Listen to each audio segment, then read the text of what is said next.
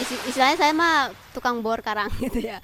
Uh, kalau di lapangan tuh pertama kita harus mensurvei karangnya dulu. Jadi kita target karangnya kan karang yang besar yang ratusan tahun, 100, 200 tahun. Tenang saudara-saudara. Dia bukan perusak terumbu karang. Namanya Intan Suci Nurhati. Dia adalah peneliti iklim dan kelautan dari Lembaga Ilmu Pengetahuan Indonesia, LIPI.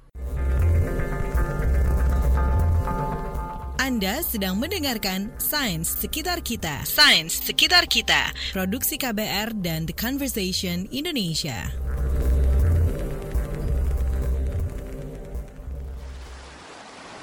Terumbu karang adalah cinta matinya Dokter Intan. Meskipun pernah beberapa kali hampir tewas terseret arus dalam, tapi dia tetap setia meneliti terumbu karang. Dia itu kalau dalam uh, komunitas kita arsip yang bisa menghasilkan data beresolusi tinggi. Maksudnya apa? Jadi dengan karang ini saya tuh bisa punya data lingkungan tiap bulan, bahkan tiap dua minggu. Nah, kelebihannya apa? Kalau kita bisa melihat tiap bulan, tiap minggu, kita benar-benar bisa melihat perubahan monsoon, El Nino, dan perubahan selama 100 tahun yang benar-benar uh, terkait dengan aktivitas manusia. Kalau terumbu karang dibor dan dibelah, akan terlihat senyawa kapur berlapis-lapis. Persis seperti lingkar tahun pada batang pohon. Dalam tiap lapis tadi, ada kandungan kimia yang menyimpan informasi temperatur masa lampau, perubahan curah hujan, keasaman laut, termasuk riwayat kesehatan karang itu. Uh, data kita DNA itu adalah data pertama satu-satunya yang bisa melihat uh, perubahan keasaman laut dan pemanasan laut di Indonesia. Nah, dari situ dari studi itu yang saya pelajari seperti ini. Jadi perubahan iklim yang terjadi oleh uh, kegiatan manusia, aktivitas manusia yang menaruh CO2 di atmosfer itu dampaknya multidimensi. Mungkin yang paling sering kita dengar itu kan pemanasan. Laut menjadi panas, es mencair gitu kan. Tapi ada dampak lain yaitu uh, laut semakin asam, pemanasan uh, atau kita bilang pengasaman global, ocean acidifications. Dari penelitiannya, Dr. Intan meyakini perubahan iklim bumi semakin ugal-ugalan. Hal yang sama juga diyakini para ilmuwan di seluruh dunia. 25 tahun lalu ada lebih dari 1.500 ilmuwan, termasuk para penerima hadiah Nobel, menulis surat peringatan kepada pemerintah di seluruh dunia. Kami, anggota senior komunitas ilmuwan dunia, dengan ini memperingatkan umat manusia ancaman di depan kita. Kita butuh perubahan besar terhadap bumi dan kehidupan di dalamnya, agar kesengsaraan manusia bisa dihindari. Perubahan iklim sebetulnya hal biasa bagi planet bumi.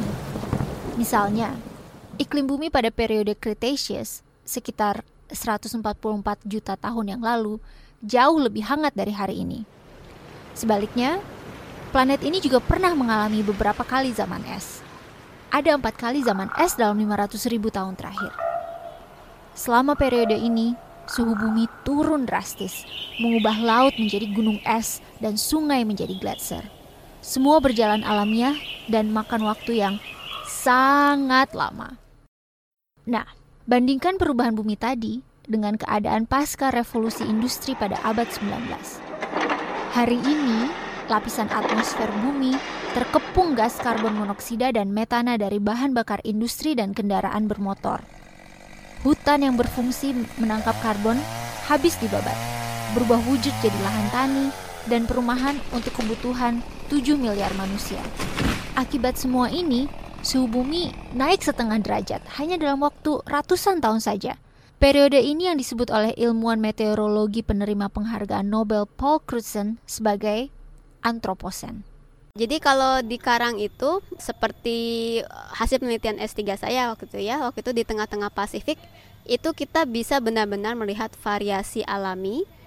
Waktu itu kita melihat yang iklim alami turun naik tiap 20 30 tahun itu tetap naik turun naik, tapi di akhir abad 20 itu naiknya mulai seenaknya.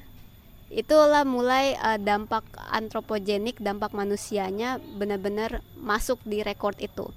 Sebetulnya negara-negara dunia telah sepakat menjaga agar pemanasan suhu di bumi tidak lebih dari 2 derajat Celcius.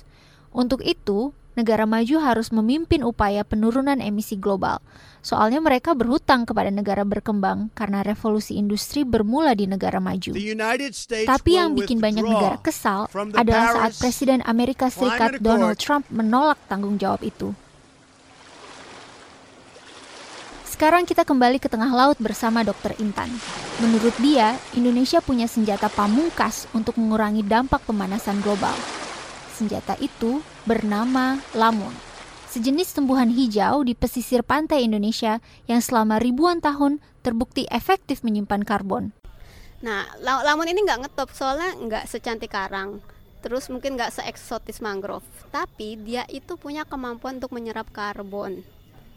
Jadi kalau kita lebih concern sama lamun walaupun tidak terlalu terlihat, terlihat, terlihat cantik secantik karang, itu adalah potensi pesisir Indonesia. Dan Indonesia kan luas, Mas. Pesisirnya aja bisa seluas apa? Kalau kita uh, conserve lamun itu adalah kunci kita untuk uh, menyerap karbon lebih banyak lagi dari atmosfer. Dan itu masih kadang uh, dilihat sebelah mata. Planet bumi jelas butuh solusi radikal.